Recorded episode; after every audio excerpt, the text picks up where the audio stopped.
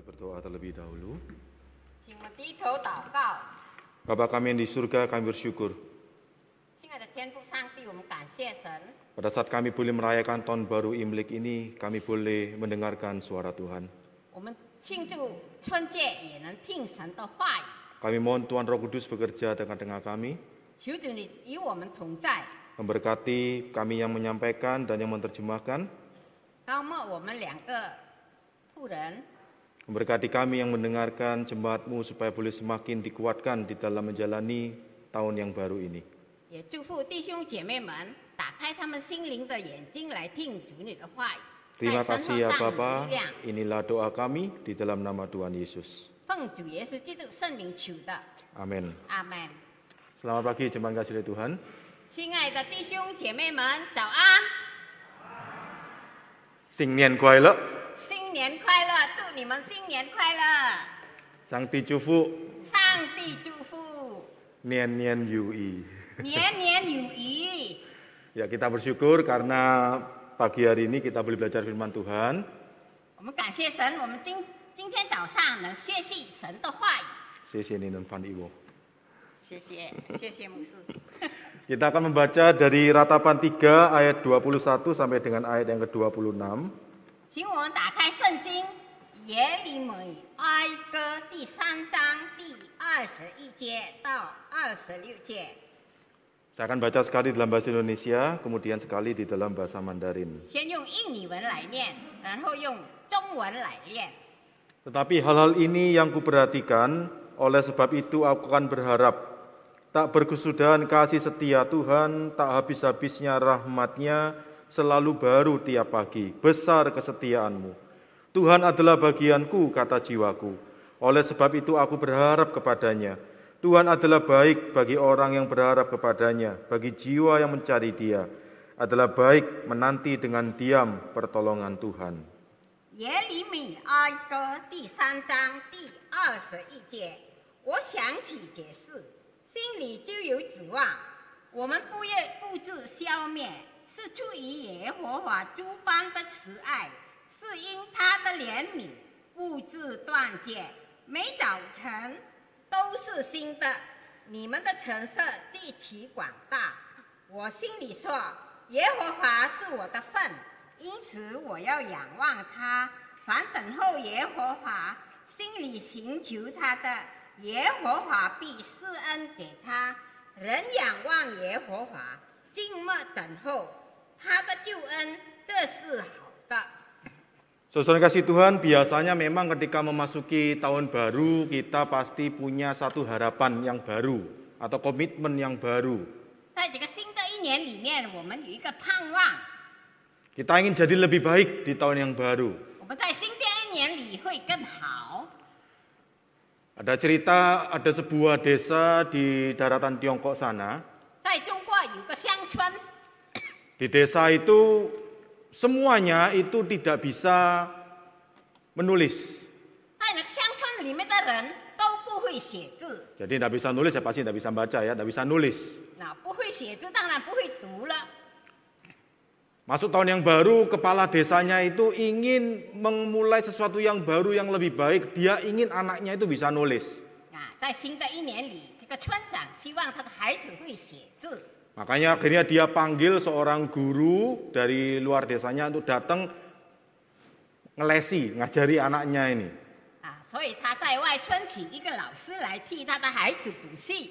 Hari pertama gurunya datang ngajari anaknya satu karakter i angka satu, satu garis. Ya. 第一天，这个老师教他的孩子一 Ditunjukkan ya setelah les, ditunjukkan anaknya sama papanya. ini lupa wah bisa nulis saya pak, nulis angka satu, i itu ya.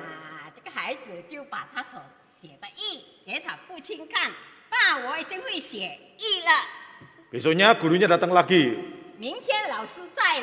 Hari kedua nulis dua garis. Oh, ya, gitu ya. Tunjukkan lagi sama Pak. wah bisa lupa nih Pak.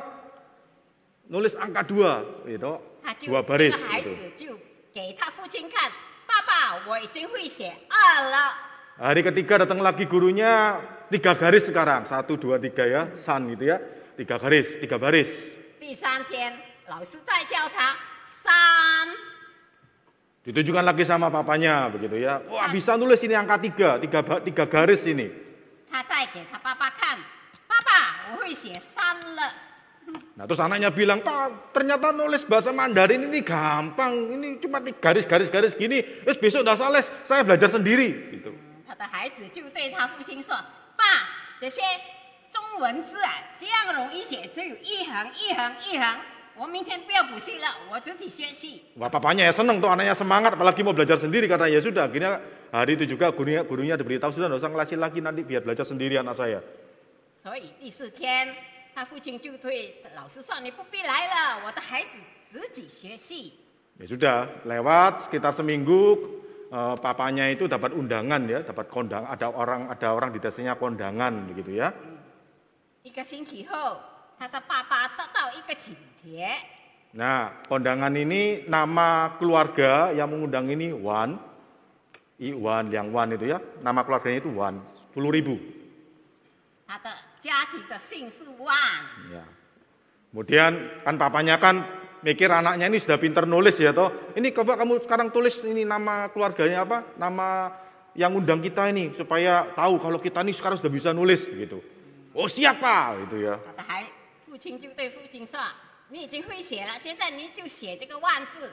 Ya sudah. Paginya dikasih paginya dikasih tugas gitu ya, papanya sudah kerja gitu kerja sampai sore pulang sampai rumah Ditanya sudah selesai belum?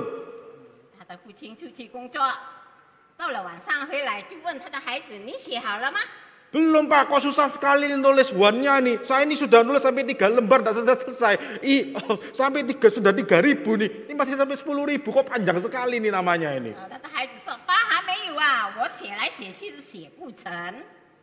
Ya, jadi karena apa? Karena mikirnya nulisnya satunya itu sampai sampai sepuluh ribu kali ya, selesai selesai ya. Toh.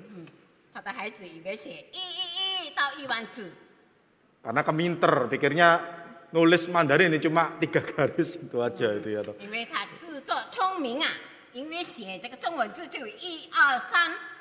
Nah Bapak Ibu kasih Tuhan, saya tidak tahu apa yang menjadi harapan kita ketika kita memasuki tahun yang baru. 我们在新年里有什么盼望呢？ Apalagi ketika kita mendengar kabar bahwa di tahun 2023 ini akan ada resesi global. 啊，我们常常听到这个二零二三年有经济的危机， Apakah kita tetap mengandalkan diri kita sendiri, mengandalkan kekuatan kita 我 sendiri? 们是不是靠着我们自己的能力来行走前面的路程呢？ Apakah kita ini sok pinter, 或者是我们自作聪明， sok hebat, 我们已经很自由了， ataukah kita mau mengandalkan Tuhan? 或者是我们依靠上帝？ Nah, pada bacaan kita tadi itu, kalau kita melihat bahwa ayat-ayat itu muncul bukan di dalam kondisi yang semuanya itu sedang aman-aman saja, tenang-tenang saja.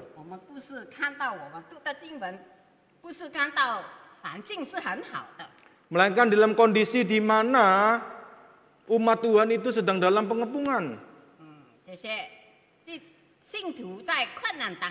Dan kondisi di dalam kota itu sangat-sangat susah.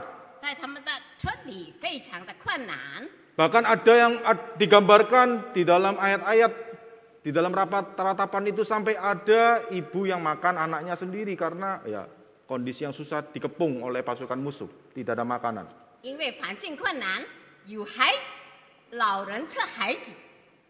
Tetapi dalam kondisi seperti itu muncul ayat-ayat ini. 所以就出现这些经文。 bahwa tetap mau berharap kepada Tuhan. 我们要仰望神， Bagaimanakah di dalam kondisi yang susah itu masih bisa tetap berharap kepada Tuhan? 在反困难当中，我们怎样来仰望神呢？ Karena kalau kita baca ayat selanjutnya dari ratapan pasal 3 itu, ayat 32 berbunyi demikian. 但是我们读到再读在三十二节里面说， Karena walau ia mendatangkan susah,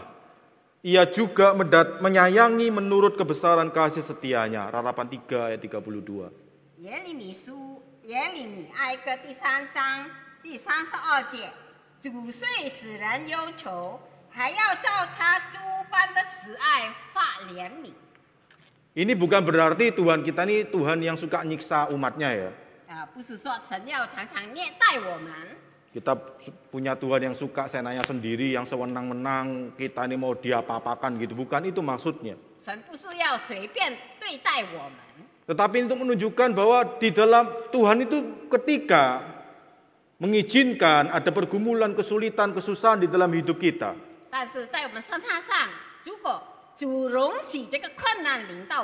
Itu tujuannya bukan untuk bertindak semenang-menang kepada kita. Mau saya enaknya sendiri mau nunjukkan ini loh karena saya Tuhan saya bisa ngapa-ngapain kamu ya kamu tidak boleh protes misalkan begitu. Bukan itu maksudnya adalah supaya kita ini bisa semakin mengalami apa artinya kita itu disayangi oleh Tuhan. Bapak kasih Tuhan kita yang jadi orang tua. Kita tentu menyayangi anak kita itu bukan hanya dengan cara dimanjakan aja sudah. Semua apa yang dimau dikasihkan semua. Dan kita tentu tahu bahwa itu bukan cara mendidik yang baik. Salah satu yang bisa kita gunakan dalam mendidik dia untuk bisa menghadapi kesusahan, kesulitan di dalam kehidupannya. 我们要教导我们的孩子在困难中有经历怎样来提得起这个困难， Supaya anak kita itu bisa semakin dewasa. 使得我们的孩子能成长。 Mirip seperti itu di dalam perjalanan iman kita bersama dengan Tuhan.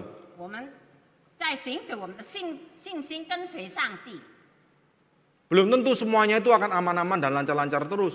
不是说就要很顺利的。 Tetapi di dalam kondisi yang susah, bahkan yang paling susah sekalipun,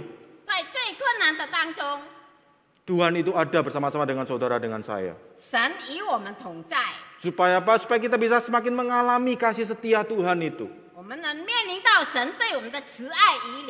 Supaya kita bisa mengalami seperti yang dikatakan oleh pemasmur bahwa di dalam lembah bayang-bayang maut pun ada gada dan tongkat Tuhan. 就好像诗篇的作者说：“我虽然在死荫的幽谷当中，主仍然与我同在。 Sehingga jemaat kasih Tuhan, kesusahan di dalam hidup orang percaya, ”我们相信的人在困难当中， sebetulnya kesusahan itu boleh menjadi semacam katalisator, menjadi sarana supaya kita ini bisa semakin mengalami kasih setia Tuhan.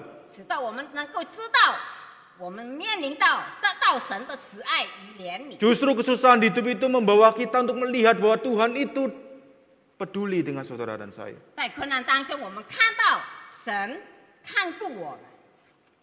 Seringkali ketika kita justru di dalam kondisi yang enak, di dalam kondisi yang nyaman, kita bisa lupa Tuhan.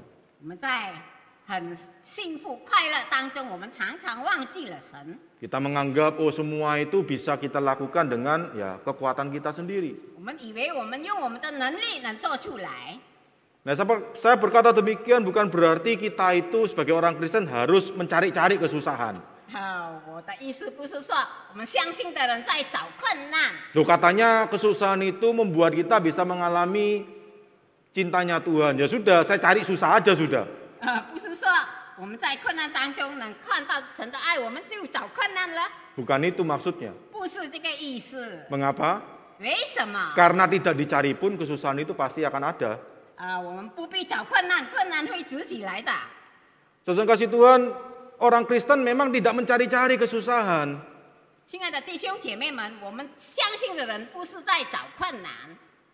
Iman Kristen tidak pernah mengajarkan kita melakukan yang namanya asketisme, menyiksa diri kita untuk membuat senang Tuhan. Tidak pernah bahwa kita ini harus masuk ke dalam hutan kemudian bersemedi 40 hari, 40 malam, tidak boleh makan, tidak boleh minum supaya kita ini membuat senang Tuhan.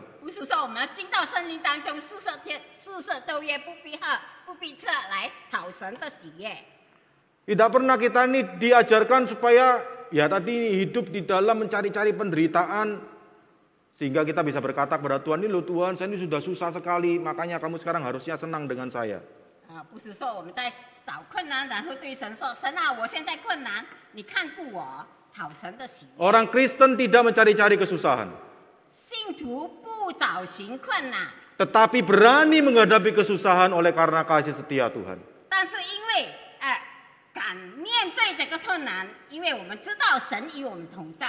Orang Kristen sekali lagi tidak mencari-cari kesusahan, tetapi berani menghadapi kesusahan oleh karena kasih setia Tuhan. 我们相信的人不找寻困难，但是我们知道神必定与我们同在。 Mengapa demikian? Cuma dikasih oleh Tuhan. 为什么这样呢？ Ada dua alasan yang kita bisa dapatkan dari ratapan pasal 3 ayat yang kita baca tadi itu. 我们有两件事情在耶利米哀歌第三章里读的经文里看到， Secara khusus kita akan lihat di dalam ayat 22 dan ayat 23. 特别是在二十二节、二十三节。 Di situ dikatakan bahwa kasih yang pertama, mengapa kita berani menghadapi kesusahan oleh karena kasih setia Tuhan. Yang pertama adalah karena kasih setia Tuhan itu adalah kasih yang tidak berkesudahan. 啊，我们知道 神的慈爱怜悯是不断绝的。 Apa artinya tidak berkesudahan di sini? 什么意思是不断绝呢？ Artinya adalah bahwa kasih setia Tuhan itu tidak terkondisi, tidak ada syaratnya. 嗯，就是说神的爱是无条件的。 Tuhan mengasihi saudara dan saya itu karena memang Tuhan mau mengasihi saudara dan saya. 神爱我们大家是因为神要爱 Bukan 我们， bukan karena melihat ada sesuatu yang baik di dalam hidup saudara dan saya. Bukan karena melihat oh Amos ini ganteng misalkan begitu ya. ya disayang makanya begitu. Bukan Bapak Ibu saya Tuhan. Bahkan saya katakan. Bukan juga karena kita ini jelek. Aduh, kan kalau kita lihat orang jelek kan, misalkan ya, Amos ini jelek gitu ya. Nah, lah, duh kasihan ya gitu ya. Aduh, Kan kita kan bisa juga, kita ini mau untuk sayang sama orang karena kasihan, karena apa? Karena jelek gitu ya. Bapak Ibu Tuhan ketika dikatakan Tuhan itu mengasihi saudara bahkan ketika kita ini masih berdosa 啊，我们来到神的面前是个罪人， cinta Tuhan kepada kita ini bukan gara-gara oh karena berdosa ya sudah saya wajib untuk mengasihi. 啊，不是说因为我们罪人，所以神爱我们。 Gambarannya seperti kita- ada pabrik buat barang gitu ya. 比如说一个呃啊， Pabrik apa ya? 一个工厂 Ya, 啊， buat barang, kemudian barangnya jadi, 他做一件物件， kemudian 这个物 ada 件 yang 成 cacat 功了 gitu barangnya. 这个物件是缺少的， Kan pasti ada garansi, kita minta pabriknya untuk bertanggung jawab. 我们要这个工厂。 Loh ini 负责任 barangnya cacat, yang buatlah pabriknya, makanya silakan tanggung jawab. 啊，你们出产的产品缺点，你们要负责任。 Saudara, karena keselamatan adalah anugerah itu bukan juga karena Tuhan itu terpaksa dan wajib menolong dan menyelamatkan kita gara-gara kita ini orang berdosa.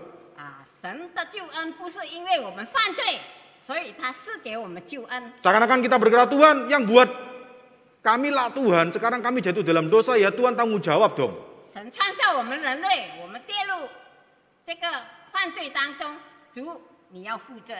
Kan begitu kalau ada barang buatan pabrik cacat, kita kan minta pertanggungjawaban sama pabriknya.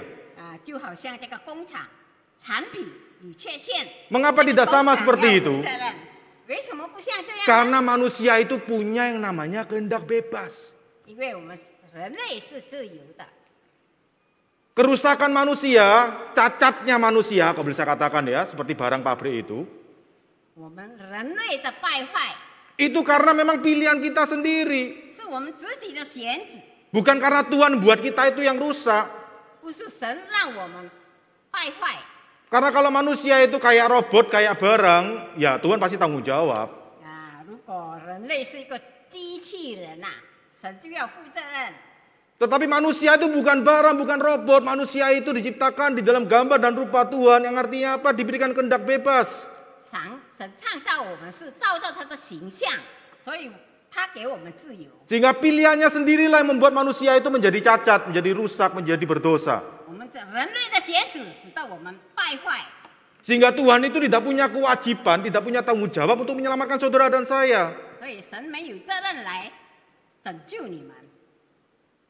Dan kalau Tuhan mau untuk menyelamatkan saudara dan saya, mau mencintai kita, mau menyayangi kita.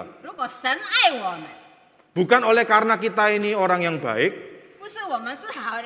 Bukan juga karena kita nih orang yang jelek, orang yang buruk, orang yang berdosa. Tetapi karena memang Tuhan mau untuk mencintai saudara dan saya apa pun alasannya.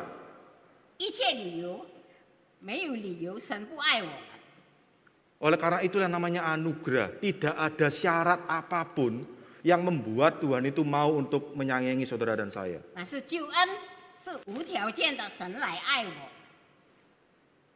Karena saudara kasih Tuhan, itulah dikatakan tidak berkesudahan.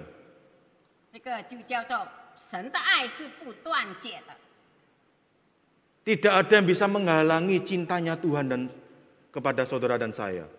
没有一件事情能阻拦神来爱我。 Karena Tuhan memang mencintai sesuai dengan kemurahan dan anugerahnya kepada saudara dan saya. 神悯神的怜悯与慈爱来爱我， sehingga seberdosa apa pun kita, kasih setia Tuhan itu tetap bisa menjangkau saudara.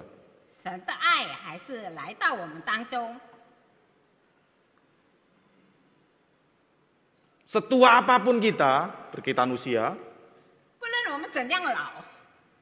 Tuhan tetap sayang sama kita. Semudah apa pun kita, Tuhan pun juga sayang sama kita. Sekaya apa pun kita, Tuhan tetap sayang kita. Semiskin apa pun kita, Tuhan tetap sayang kita. Setinggi apa pun pendidikan kita, Tuhan tetap sayang kita. Serendah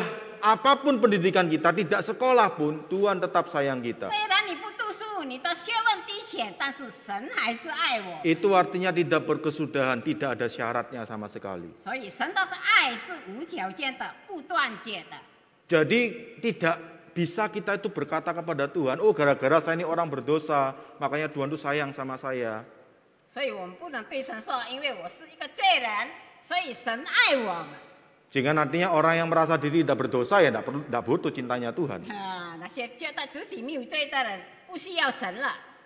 Ataupun kita yang merasa diri sudah baik, kita bisa berkata karena saya itu baik, makanya Tuhan itu sayang sama saya. 啊，或者是说我们啊很好，我们是一个好人，所以神爱我。 tidak ada sesuatu apa pun yang ada di dalam diri kita yang kita bisa berkata kepada Tuhan, ini loh Tuhan gara-gara aku seperti ini, makanya kamu itu sayang sama saya. Tidak bisa saudara.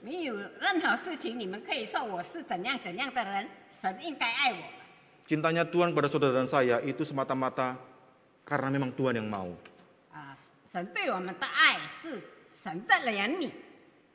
Yang jadi masalah, kita yang sering tidak mau. Itu menjadi masalah Bapak Ibu saya Tuhan. Alasan yang kedua, mengapa kita perlu terus untuk mengandalkan Tuhan. Ayat 23 dikatakan bahwa kasih setia Tuhan itu selalu baru setiap pagi.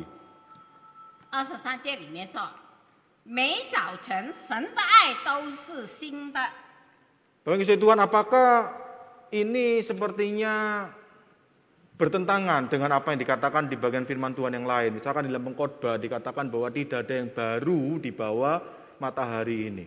啊，不像别的传说，没有新的在这个阳光下。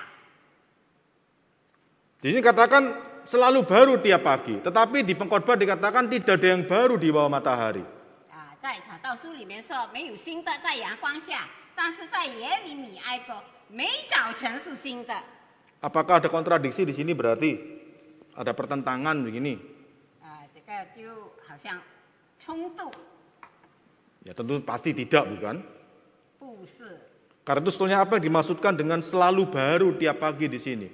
这里说每早晨是新的， Ini bicara soal bahwa kasih setia Tuhan itu selalu relevan di dalam kehidupan kita masing-masing. 神的 感谢 setia Tuhan tidak akan pernah berubah. Dari dulu sampai sekarang itu tetap sama.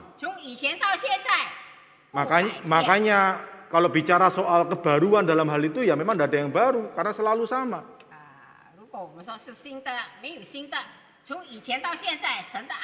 Tetapi kasih setia Tuhan itu bagi masing-masing kita itu berbeda satu dengan yang lain. Karena tiap-tiap hidup kita ini punya pergumulan sendiri-sendiri.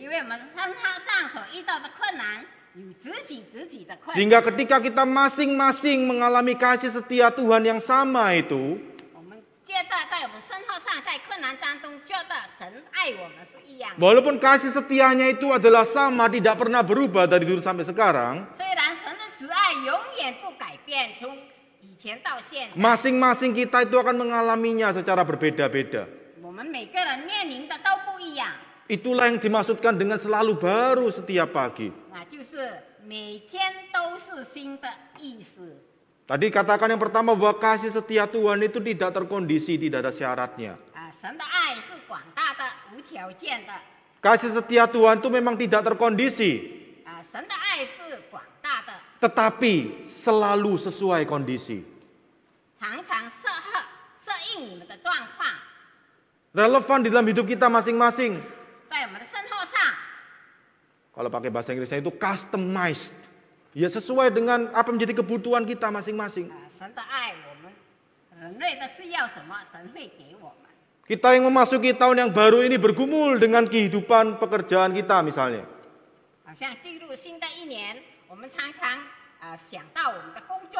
Itu akan mengalami kasih setia Tuhan berbeda dengan mereka yang bergumul di dalam kesehatan misalnya. Uh,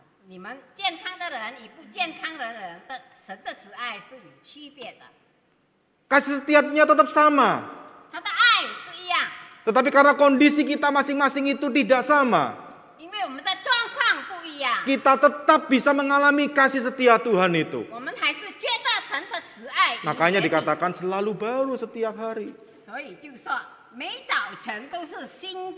Hari ini kita mungkin bergumul dengan kesehatan kita. Kita bisa mengalami kasih setia Tuhan. Karena sekali lagi kasih setia Tuhan itu tidak ada syaratnya. Kita sakit pun tetap bisa mengalami kasih setia Tuhan.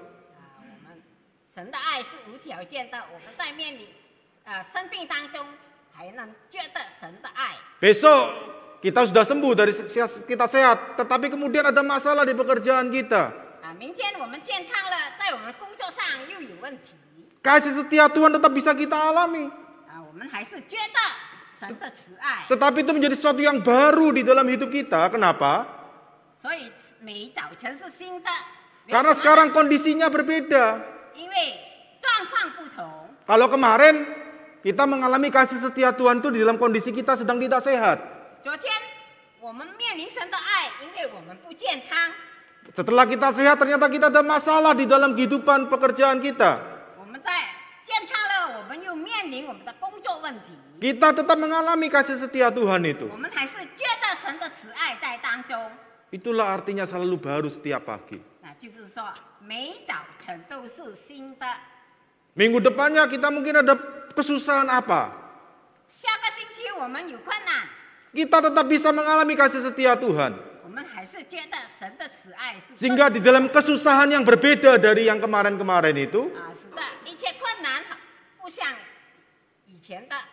Pengalaman kita tentang kasih setia Tuhan pun juga akan baru. Itulah artinya kasih setia Tuhan yang tidak berkesudahan dan selalu baru setiap pagi.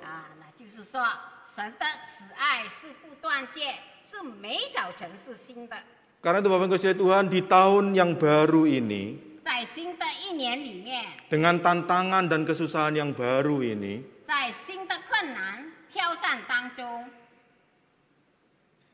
Bersandarlah kepada Tuhan. Kenapa? Karena selalu tersedia kasih setia yang baru.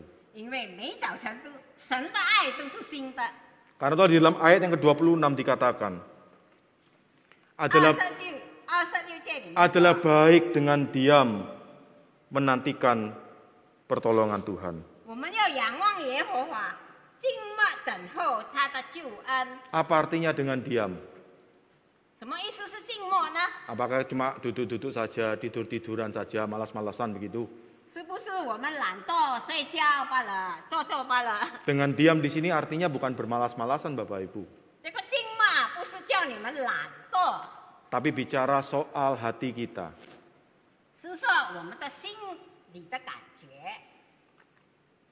Orang-orang percaya yang diam menantikan pertolongan Tuhan,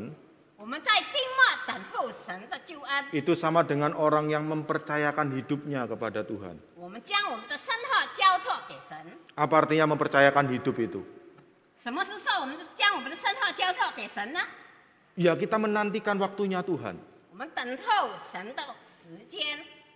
Kita tidak jatuh di dalam usaha untuk ya menentukan sendiri waktunya Tuhan itu.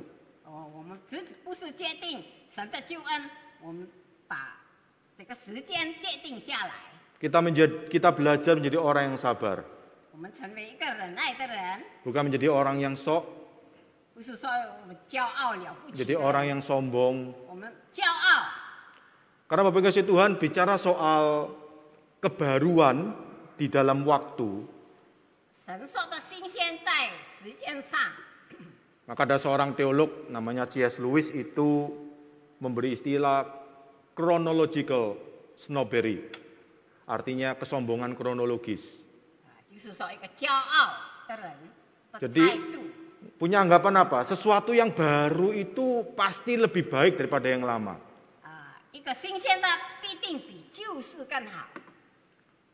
Kalau kita ada rumah makan yang baru dibuka, itu pasti rame. Karena, karena orang mau selain mau mencoba, pasti juga punya asumsi ini yang baru ini pasti bisa lebih enak daripada yang sebelum-sebelumnya.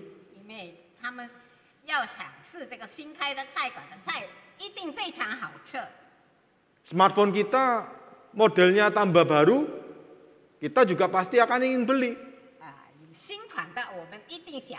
karena apa? Karena kita beranggapan yang model baru ini pasti lebih baik daripada yang sebelumnya.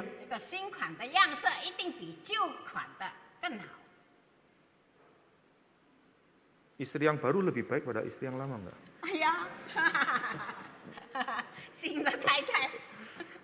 Bapak yang kasih Tuhan, tapi itu memang kenyataan di dalam keberdosaan kita. Kalau kita tidak hati-hati, kita menganggap sesuatu yang baru itu otomatis pasti lebih baik daripada yang lama.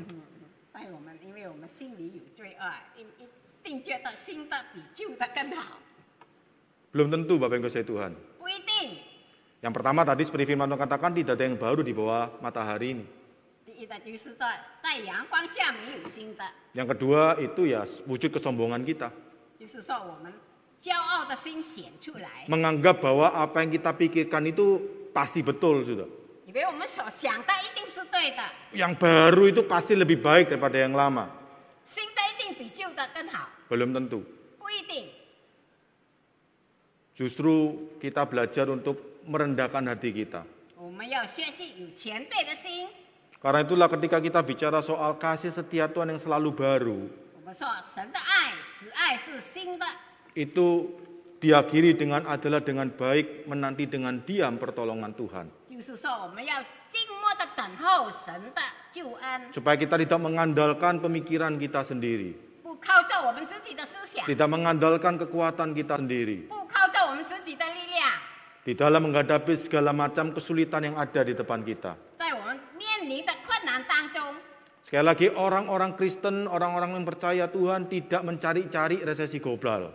啊， tetapi ketika kita harus berhadapan dengan resesi global itu, itulah kesempatan kita untuk bisa mengalami kasih setia Tuhan.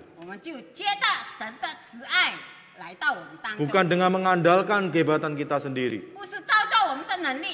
Tetapi mengandalkan Tuhan. Karena kasih setia Tuhan itu tidak berkesudahan dan selalu baru setiap pagi.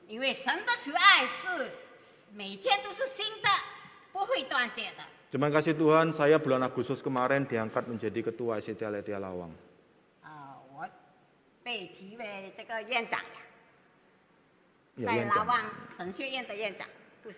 Ya, Ya, Nah, kalau orang dengar saya itu selalu berkata selamat ya Pak Amos. Sekarang jadi rektor, jadi ketuanya SCT Aletea.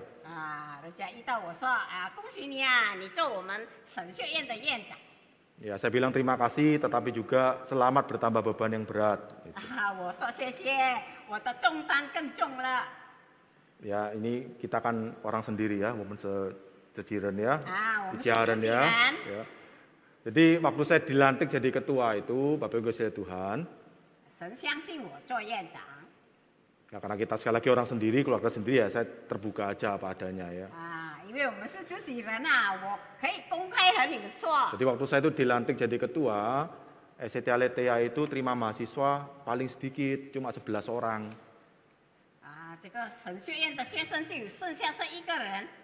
Dan yang bebannya saya tambah berat lagi, dari 11 orang itu tidak ada yang dari GKT.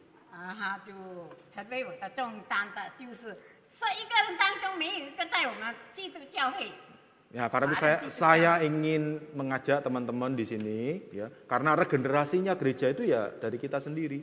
嗯，我希望我们教会的人有新的一代进入神学院。 Saya sudah tambah tua. 我更老了，我已经更老了。 Kalau tidak disiapkan dari sekarang, nanti siapa yang menggantikan? 啊， 等一下，如果没有新的一代，谁来代替我呢？ Ya, jadi harapannya adalah supaya kita bisa terus mempercayakan hidup kita kepada Tuhan. 我们把我们的身后交托给神。 Dan saya pun juga belajar di tengah-tengah kondisi yang sulit seperti itu. 啊，在这个困难当中，我也学习。 Jadi kalau enggak tahu nih tahun depan gitu ya, GKT Nasaret kirim berapa? Kirim tiga. Ini ada pen, ada penatua atau ya? Ada penatuannya, ada ada mbak tuanya atau ya? Kirim tiga pemudi gitu ya, pemudanya gitu ya, masuk Aletea ya. 我希望我们拿撒勒堂啊，明年啊，而且是啊、再过几年，我们拿撒勒堂有寄两三位去到神学院。 Amin. 阿门。 Gak ada amin nih. 没有阿门。 Bapak yang kasih Tuhan, saya percaya bahwa di tahun yang baru ini, sekali lagi, ya kesulitan pasti ada. Tetapi sekali lagi di tahun baru dengan tantangan dan kesusahan yang baru, selalu tersedia kasih setia yang baru.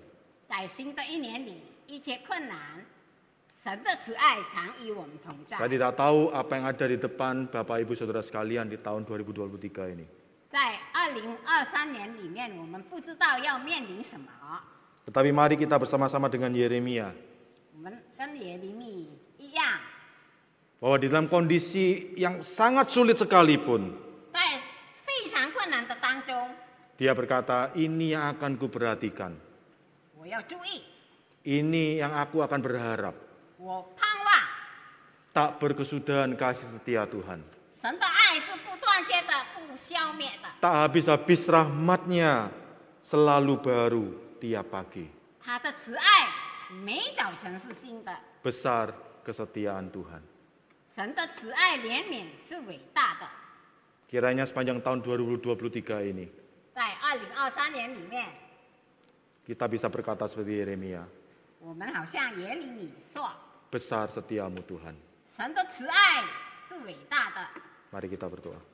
请我们低头祷告。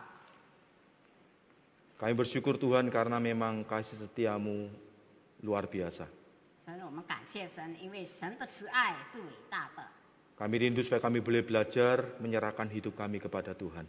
我们将我们的身后交托在主的恩属当中， Bahkan di tengah-tengah kesulitan yang sedang kami hadapi atau bahkan akan kami hadapi, 我们要面临的困难， Kami rindu supaya kami semakin mengalami kasih setia Tuhan itu.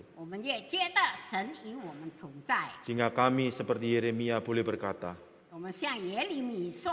Tuhan adalah bagian jiwaku. Besar setiamu Tuhan. Terima kasih ya Bapak. Inilah doa kami. Di dalam nama Tuhan Yesus. Amin. Amin.